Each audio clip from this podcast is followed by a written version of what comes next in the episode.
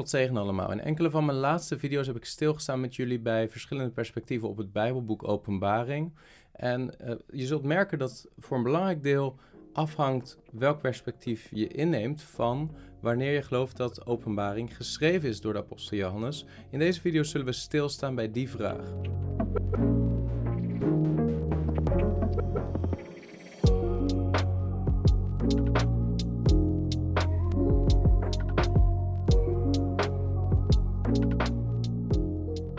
Zoals je misschien zult merken ben ik een klein beetje schoor. Ik ben wat verkouden, maar ik hoop dat, dat deze video niet in de weg staat qua inhoud. Met betrekking tot de datering van het Bijbelboek Openbaring zijn er eigenlijk twee kampen. Dat is het kamp van de late datering. En die geloven dat het boek omstreeks 95 na Christus is geschreven tijdens het bewind van keizer Domitianus. En het andere kamp is dat van de vroege datering. Die geloven dat het Bijbelboek is geschreven omstreeks het jaar 65 of 66 na Christus tijdens het bewind van keizer Nero. En welke van die twee posities je inneemt, is van grote invloed op hoe je dat Bijbelboek interpreteert.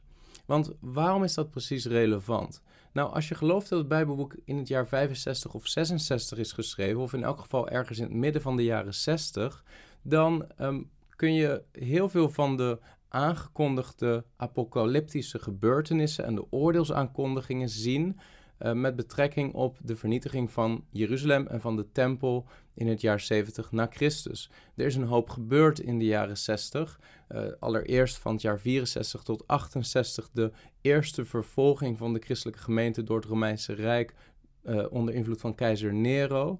Vervolgens in het jaar 68 waarbij Nero sterft en zelfmoord pleegt met het zwaard waarbij er vervolgens in het Romeinse Rijk een jaar aanbreekt van ongekende instabiliteit, waarbij er in korte tijd, in een jaar tijd eigenlijk vier keizers achter elkaar zijn. Dat noemen ze ook wel het jaar van de vier keizers, waarbij men getwijfeld heeft, zal het Romeinse Rijk überhaupt nog uit de dood opstaan, wat vervolgens wel gebeurt.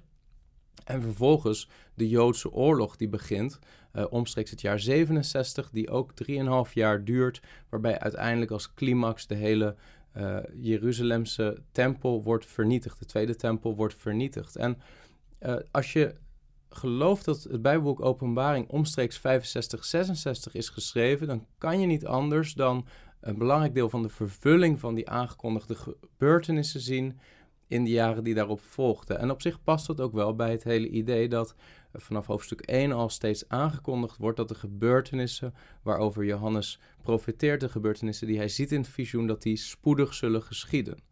Maar dat is natuurlijk wel allemaal geconditioneerd door het feit of de vraag of dat die brief geschreven is voor de vernietiging van Jeruzalem, voor het jaar 70 na Christus. Want als de brief omstreeks het jaar 95 na Christus pas is geschreven, tijdens de vervolging van de christelijke gemeente onder keizer Domitianus, ja, dan is een historicistisch of een futuristisch perspectief veel logischer dan een preteristisch perspectief. Als je trouwens wilt weten wat precies het verschil is tussen al die perspectieven, dan beveel ik je aan om een van mijn recente video's, vier perspectieven op het boek Openbaring, nog eens te bekijken. Maar je ziet dat, of dat je gelooft dat het vroeg geschreven is, de brief, namelijk het jaar 65, of laat, namelijk omstreeks het jaar 95 na Christus, dat dat voor een belangrijk deel bepaalt hoe je de gebeurtenissen in het Bijbelboek Openbaring zult verklaren. En, maar hoe bepaal je eigenlijk of dat, dat Bijbelboek vroeg of laat is? Of dat het in de jaren 60 of in de jaren 90 is geschreven? En hoe, hoe bepalen we überhaupt voor een nieuw-testamentisch Bijbelboek wanneer het is geschreven? Want meestal staat dat niet in het boek zelf. Dat zou het makkelijkst geweest zijn als er gewoon in de eerste verse stond. Dit boek is geschreven in het jaar zoveel na Christus. Nou was het in die tijd nog helemaal niet gangbaar om onze jaartelling aan te houden.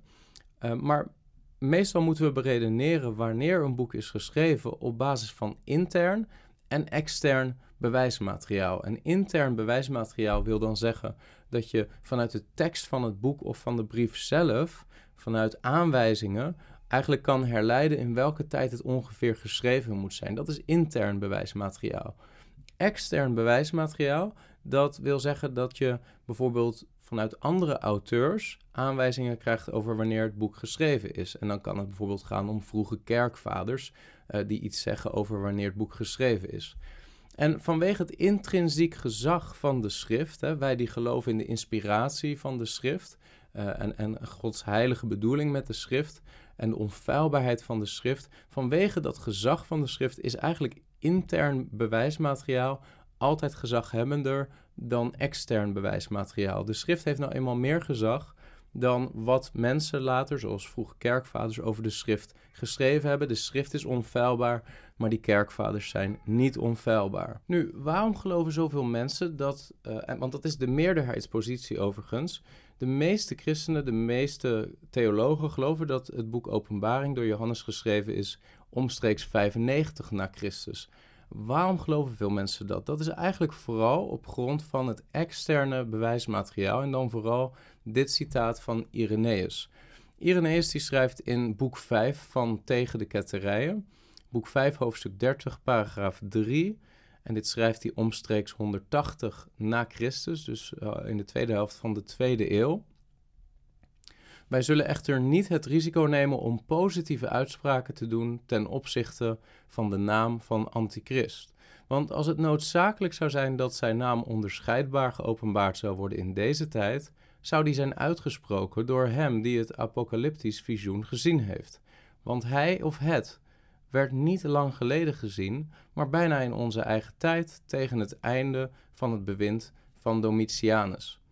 En de vraag hier is uh, want hier spreekt Irenaeus over de apostel Johannes, die het apocalyptisch visioen gezien heeft. En vervolgens zegt hij: Hij werd, of het werd, niet lang geleden gezien, maar bijna in onze eigen tijd. En de vraag is: bedoelde nou Irenaeus te zeggen dat de openbaring, hè, het visioen van openbaring, werd gezien door Johannes tijdens het bewind van Domitianus? In dat geval is het jaar 95 een betere datering. Of, en zo kan je hem ook vertalen, bedoelde Irenaeus te zeggen dat Johannes, de persoon, gezien werd tijdens het bewind van Domitianus. Met andere woorden, dat niet zozeer de bedoeling is om te zeggen: de openbaringbrief, het visioen, is gezien door Johannes in de tijd van Domitianus. Maar Johannes zelf werd nog gezien in de tijd van Domitianus. Oftewel, de apostel Johannes heeft geleefd tot in elk geval in de tijd van Domitianus. En het is eigenlijk moeilijk en het blijft onduidelijk om te zeggen wat Irenaeus precies bedoelt. Want je kan het op allebei die manieren vertalen. En er zijn ook goede argumenten voor allebei de posities. Want het zou kunnen zijn dat Irenaeus wil zeggen. We hoeven geen uitspraken te doen over de naam van de antichrist of wie het is. We hoeven niet te speculeren. Want als het nodig zou zijn dat wij in onze tijd zouden weten wie het was, ja, dan had de apostel Johannes, die immers tot bijna in onze tijd leefde, het ons wel verteld. Uh, omdat hij als persoon al die tijd bij ons is gebleven en gezien werd tot in de tijd van Domitianus. Zo zou je hem kunnen interpreteren. En dan zegt dus deze zin van Irenaeus eigenlijk helemaal niets over wanneer de brief geschreven is door Johannes, maar alleen over het feit dat Johannes nog leefde in de tijd van Domitianus. Maar je zou hem ook kunnen lezen als het visioen werd gezien door de apostel Johannes in de tijd van Domitianus. Allebei die kanten kun je ermee op en dus is dit een wat dubieuze, uh, een dubieus citaat van Irenaeus om daar echt harde conclusies uit te trekken. Maar zelfs als je ervan uitgaat dat Irenaeus wil zeggen dat het visioen door de apostel Janus werd gezien in de tijd van Domitianus, dus omstreeks 95 na Christus, zelfs dan moet je niet vergeten dat Irenaeus bijna een eeuw later leefde en dit uh, schreef. En Irenaeus is, hoewel hij een hele bruikbare bron is om iets te weten over de tijd van de eerste gemeente. Maar hij is niet onfeilbaar. Hij, is niet, uh, hij heeft niet het gezag van de schrift. En uh, Irenaeus heeft ook wel verkeerde beweringen gedaan. Het, is, het is vrijwel zeker dat Irenaeus een fout heeft gemaakt. Door te beweren bijvoorbeeld dat de Heer Jezus bijna 50 jaar oud is geworden. Uh, hij is zo'n beetje de enige die dat gelooft. Alle andere bronnen geven aan dat de Heer Jezus ongeveer 33 jaar oud is geworden en is gekruisigd op die leeftijd. Irenaeus beweerde dat Jezus bijna 50 jaar oud is geworden. Dat, dat zit er behoorlijk naast. Um, dus Irenaeus is niet onfeilbaar en we moeten dan ook wat voorzichtig zijn met zo'n citaat van Irenaeus al te hard overnemen. En dan zou je kunnen zeggen, is het dan alleen Irenaeus die beweerde dat Johannes de openbaring ontving in de tijd van Domitianus? Nou, er zijn twee andere belangrijke kerkvaders, zoals Clemens van Alexandrië en Origenes. Die worden ook vaak aangehaald als getuigen voor de late datering van de brief. Uh, maar zij noemen de naam van Domitianus niet letterlijk en, en zijn dus wat onduidelijk ook in hun schriften.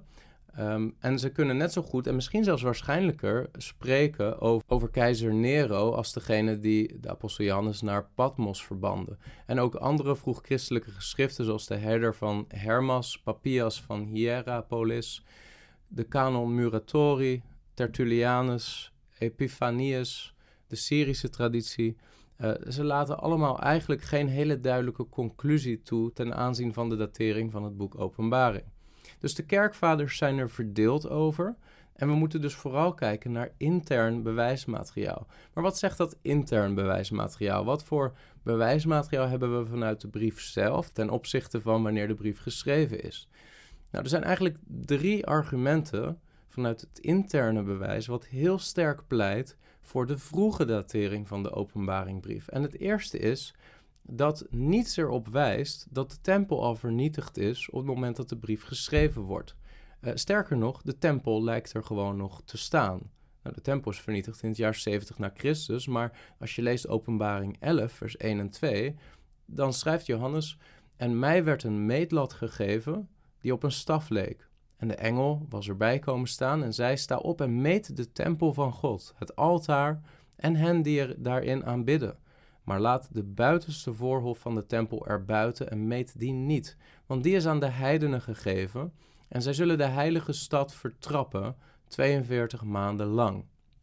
Nou, we lezen hier over de heilige stad. We weten dat dat gaat ook in de context van de brief over de stad Jeruzalem. Daar wordt heel vaak naar verwezen als de heilige stad.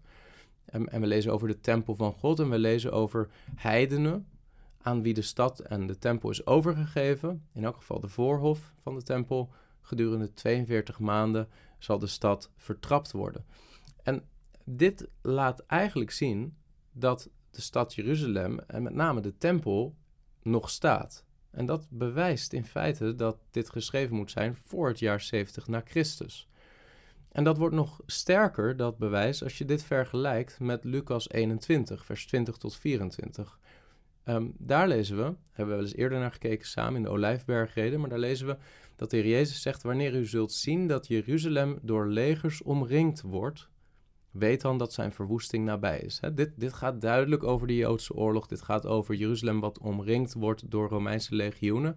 En dan zegt de Heer Jezus, vers 21, laten dan wie in Judea zijn, vluchten naar de bergen. En wie in het midden van Jeruzalem zijn, daaruit wegtrekken. En wie op de velden zijn, er niet ingaan. Overigens is dat een hele ehm, een reflex die tegen je intuïtie ingaat. Op het moment dat je omringd wordt door legers, was de reflex: laten we snel de versterkte steden invluchten, zoals Jeruzalem, want dan zijn we daar beschermd. En de Heer Jezus zegt in feite: nee, ga niet de stad in, maar vlucht weg, vlucht weg uit de stad. En we weten dat christenen dat ook gedaan hebben en daardoor ook ontsnapt zijn aan de totale vernietiging van Jeruzalem in het jaar 70 na Christus. Eh, christenen zijn gevlucht naar Pella. En dan lezen we dat de Heer Jezus zegt, want dit zijn, vers 22, de dagen van wraak, opdat al wat geschreven staat vervuld wordt. Maar wee de zwangeren en de zogende in die dagen, want er zal grote nood zijn in het land. En dan gaat het over het land Israël. En toorn over dit volk. En dan gaat het over het Joodse volk. Er zijn dagen van wraak, zegt de Heer Jezus, die aangekondigd worden specifiek ten aanzien van het Joodse volk. Waarom? Omdat ze hun Messias verwierpen. En let op, vers 24. En zij zullen vallen door de scherpte van het zwaard en in gevangenschap weggevoerd worden onder alle heidenen. En Jeruzalem zal door de heidenen vertrapt worden, totdat de tijden van de heidenen vervuld zullen zijn. Zie je, vergelijk dit met Openbaring 11, vers 2. Er staat in Lucas 21, vers 24: Jeruzalem zal door de heidenen vertrapt worden. En er staat in Openbaring 11, vers 2: De heidenen, Hè, daaraan zal de voorhof worden overgegeven. Zij zullen de heilige stad vertrappen 42 maanden lang. Dit is zo'n sterke parallel uh, dat je niet anders kunt dan zien dat dit met elkaar te maken heeft. En Lucas 21, die verse, daar eigenlijk is iedereen het erover eens. Dat gaat over de tweede tempel. Dat gaat over de tempel die in het jaar 70 na Christus vernietigd zal worden. En dat is ook de vervulling van wat Jezus zegt in Lucas 21, vers 24. Maar als je ziet hoe parallel dat loopt met Openbaring 11, vers 2, ja, dan, dan zou je ook de conclusie moeten trekken dat Openbaring 11, vers 2 een aankondiging is van de vernietiging van de Joodse tempel, de tweede tempel in de Joodse oorlog met Rome. Dus dat is het eerste interne bewijsmateriaal voor een datering voor het jaar 70 na Christus, namelijk de tempel staat nog in het boek Openbaring. Een tweede argument vanuit intern bewijs is de sociologische verhouding tussen de christenen en de ongelovigen, de Messias verwerpende Joden.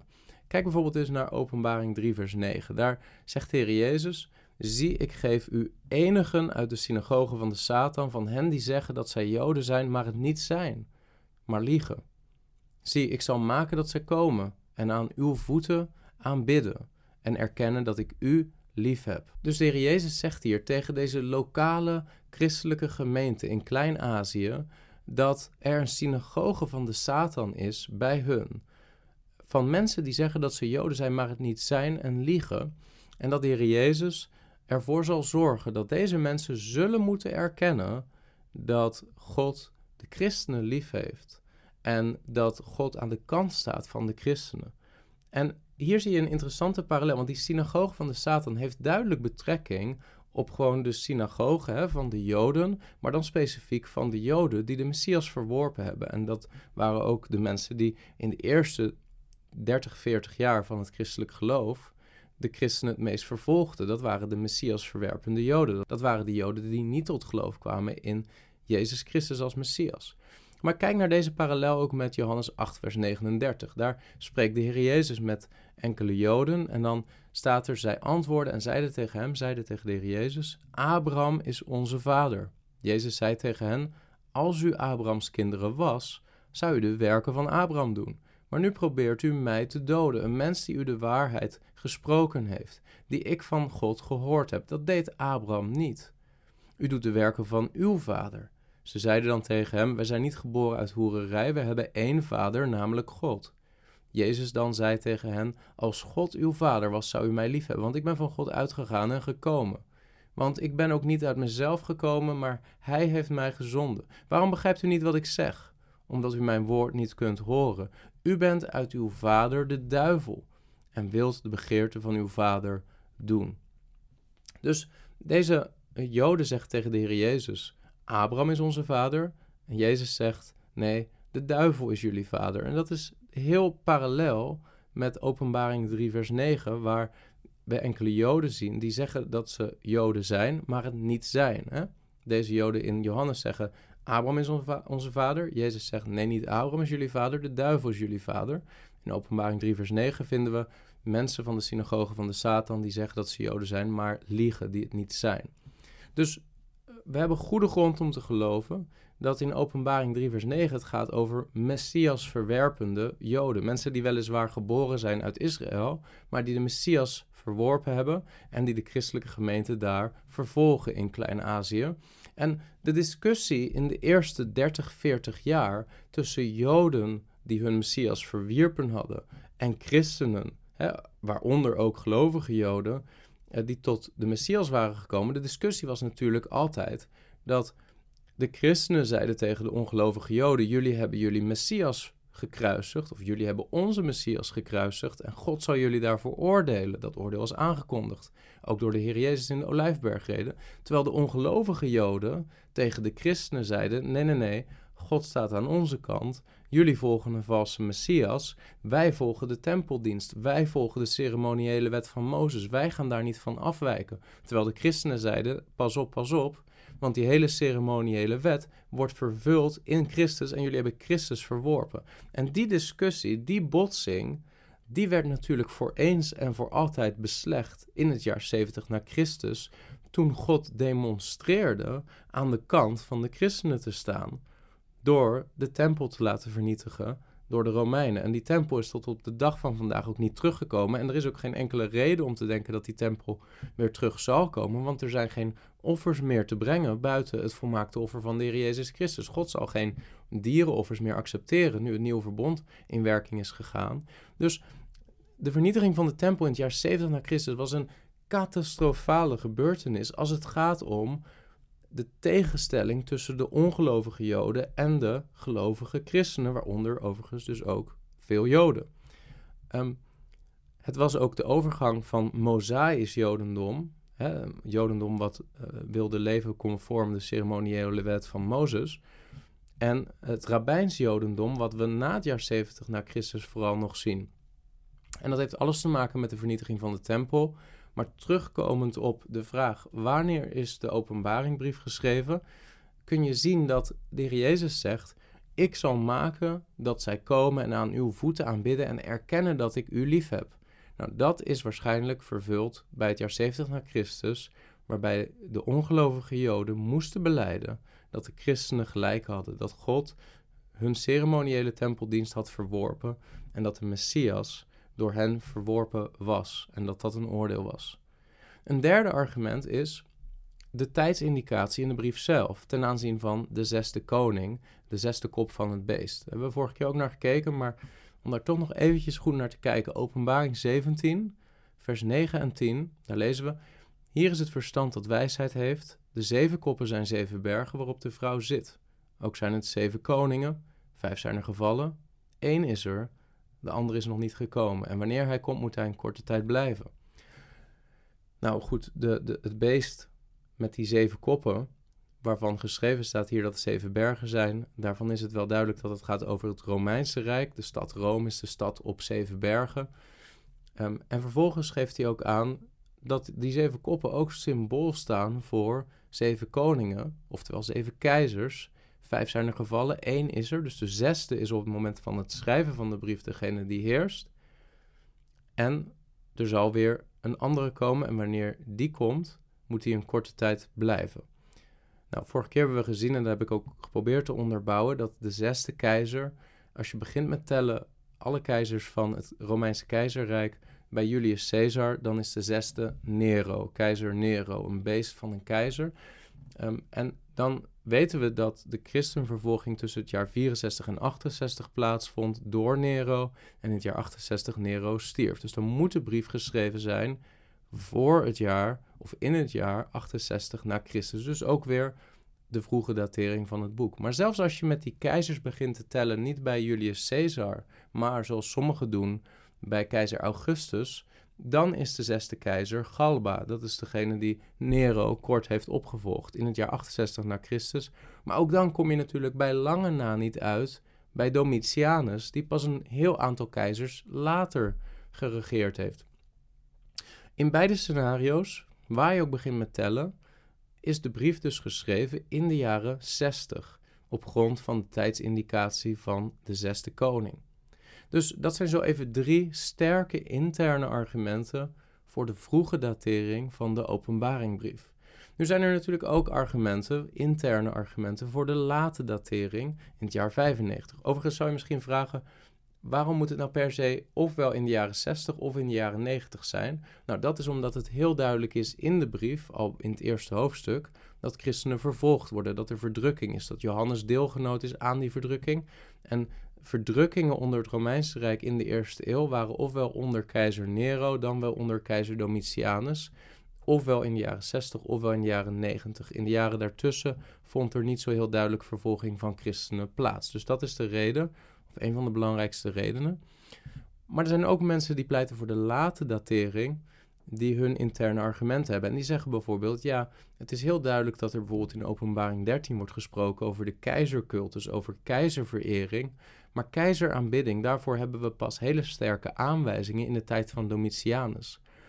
Dat vind ik een vrij zwak argument. Er zijn ook genoeg redenen om te geloven dat er wel degelijk aanbidding van keizer Nero in de jaren 60 verwacht werd van het volk.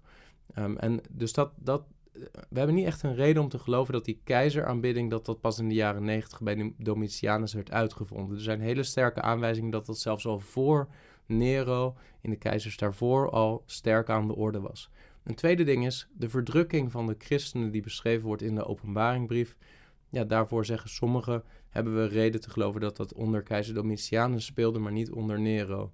Nou, ik denk dat dat uh, zeker niet waar is. Er zijn genoeg redenen om te geloven dat er een minimaal net zo heftige, waarschijnlijk heftigere verdrukking van christenen plaatsvond onder keizer Nero.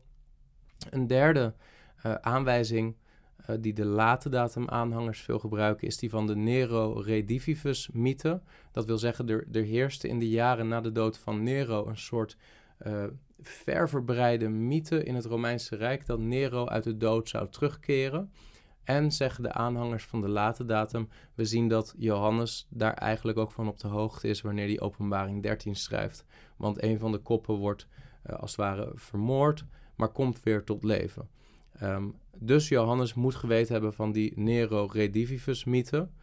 Dus het moet geschreven zijn later dan het jaar 70 na Christus, na de dood van Nero.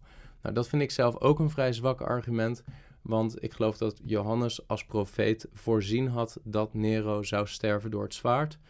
Um, en dat die hele Nero Redivivus mythe vervolgens is ontstaan in het koninkrijk, dat kan een aparte zaak zijn, maar dat hoeft niet verbonden te zijn aan het feit dat Johannes al profiteert dat de zaken zo zullen gaan lopen. En we hebben overigens ook geen reden om te denken dat Nero is teruggekomen. Er zijn wel keizers na Nero gekomen, bijvoorbeeld uh, nou, Galba, maar met name Otto daarna, uh, die, die zichzelf weer associeerden met Nero en die ook offers gaven aan de geest van Nero.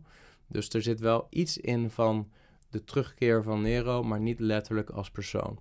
Uh, en daarnaast is er ook een vervulling in soort van de kop die gedood wordt en tot leven komt in het feit dat het leek alsof het Romeinse Rijk ten onder ging met de dood van Nero door een jaar van burgeroorlog, maar uiteindelijk toch weer stabiliteit kwam en het Romeinse Rijk als het ware weer tot leven kwam. Dus zo kun je dat ook interpreteren. Tot slot zeggen sommige aanhangers van de late datum: kijk, als je naar de toestand van de zeven gemeenten waaraan de Heer Jezus brieven schrijft bekijkt, als je daar goed naar kijkt, dan zie je dat het eigenlijk niet kan dat dit geschreven is in de jaren 60. Want bijvoorbeeld als het gaat om de geestelijke toestand van de gemeente te Efeze, dan is dit nog maar een paar jaar, als je eruit gaat van een vroege datering, geschreven na de brief aan de Efeze van Paulus. Kan dan in zo'n korte tijd, in een paar jaar tijd, er al zo'n geestelijke achteruitgang zijn dat de Heer Jezus zegt: Jullie hebben jullie eerste liefde verlaten? Dat kan niet. Daar moet veel meer tijd tussen zitten. Dus zeggen de late datum aanhangers, het moet in het jaar 95 geschreven zijn. Ruim 40 of 30 jaar nadat Paulus de Efezebrief heeft geschreven. En ik denk dat dat een heel zwak argument is. Ik denk dat een gemeente wel degelijk in een vrij korte tijd van een paar jaren geestelijk regressie kan vertonen. En ook daarvoor hebben we in het Nieuwe Testament aanwijzingen, bijvoorbeeld als je kijkt naar de Galaten. De Galatenbrief waar Paulus er verbaasd van is hoe snel die gemeente zich laat meesleuren door bijvoorbeeld dwaalleer. En nadat Paulus daar nog geweest is om het ware evangelie te verkondigen. En hetzelfde zien we ook eigenlijk in de Korinthe gemeente, waar uh, de Korinthe gemeente zo kort nadat Paulus daar nog langdurig gepredikt heeft, op allerlei vlakken al in regressie is gegaan en geestelijk achteruit gaat. Dus ook de toestand van de zeven gemeenten in Klein-Azië vind ik een zwak argument om de jaar 95 datum op te baseren. Ik denk dat de interne aanwijzingen veel sterker wijzen op een vroege datering, namelijk de tempel die nog bestaat. Dat is één. Ten tweede, de verhouding tussen de ongelovige Joden en de christenen in die tijd. En de wijze waarop dat voor het jaar 70 getypeerd werd door die spanningen en na het jaar 70 in veel mindere mate, omdat het christendom en het rabbijns jodendom daarna veel verder van elkaar af zijn komen te staan.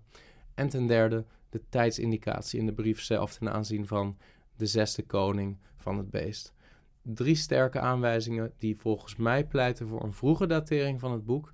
En ik geloof overigens dat het hele Nieuwe Testament geschreven is voor het jaar 70 na Christus, omdat we in het hele Nieuwe Testament vooral aanwijzingen zien dat er een spoedige een spoedig oordeel verwacht wordt over Jeruzalem en over het oud-testamentisch systeem en de ongelovige Joden.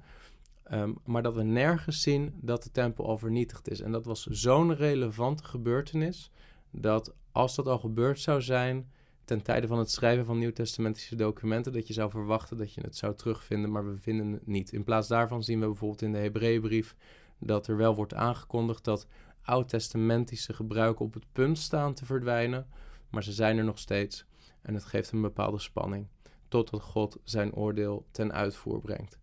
Goed, ik hoop dat je hier wat aan hebt. Ehm, zoals je wellicht ziet, is het dateren van nieuwtestamentische geschriften helemaal niet zo makkelijk als je zou denken. En de veronderstellingen die je meebrengt naar de tekst bepalen ook in grote mate je conclusies als het gaat om de datering van een document. Hè. Om maar een voorbeeld te noemen, als je een soort liberale um, eigenlijk een soort naturalistische christen bent, of laten we zeggen een liberale theoloog, die eigenlijk helemaal niet gelooft dat God in staat is om bovennatuurlijke dingen te doen, ja, dan kan je bijvoorbeeld naar uh, het evangelie van Lucas kijken en puur uit het feit dat de Heer Jezus in de Olijfbergreden daar de vernietiging van de tempel in het jaar 70 na Christus aankondigt, puur vanuit dat feit zijn er vrijzinnige theologen die al concluderen dat Lucas geschreven moet zijn na het jaar 70 na Christus, want ja, anders had hij niet kunnen weten dat de tempel vernietigd zou worden. Dus de, de vooronderstellingen, zeker ongelovige vooronderstellingen die je meebrengt naar de tekst, bepalen in belangrijke mate al wat voor conclusie je zult trekken over de datering. En ik wil je dan ook bemoedigen. Ehm, ik denk dat we als christenen zelf ook heel kritisch moeten zijn naar wanneer zo'n Bijbelboek geschreven is en wat de tekst zelf voor indicatie geeft ten aanzien van de datering. Ik hoop dat je hier wat aan hebt. God zegen. Heb je iets gehad aan deze video? Druk dan op like. En wil je vaker dit soort apologetische video's zien? Abonneer je dan op dit kanaal. Er is overigens ook een podcast. Je kan Christelijke Apologeten ook beluisteren op Spotify of Apple Podcasts.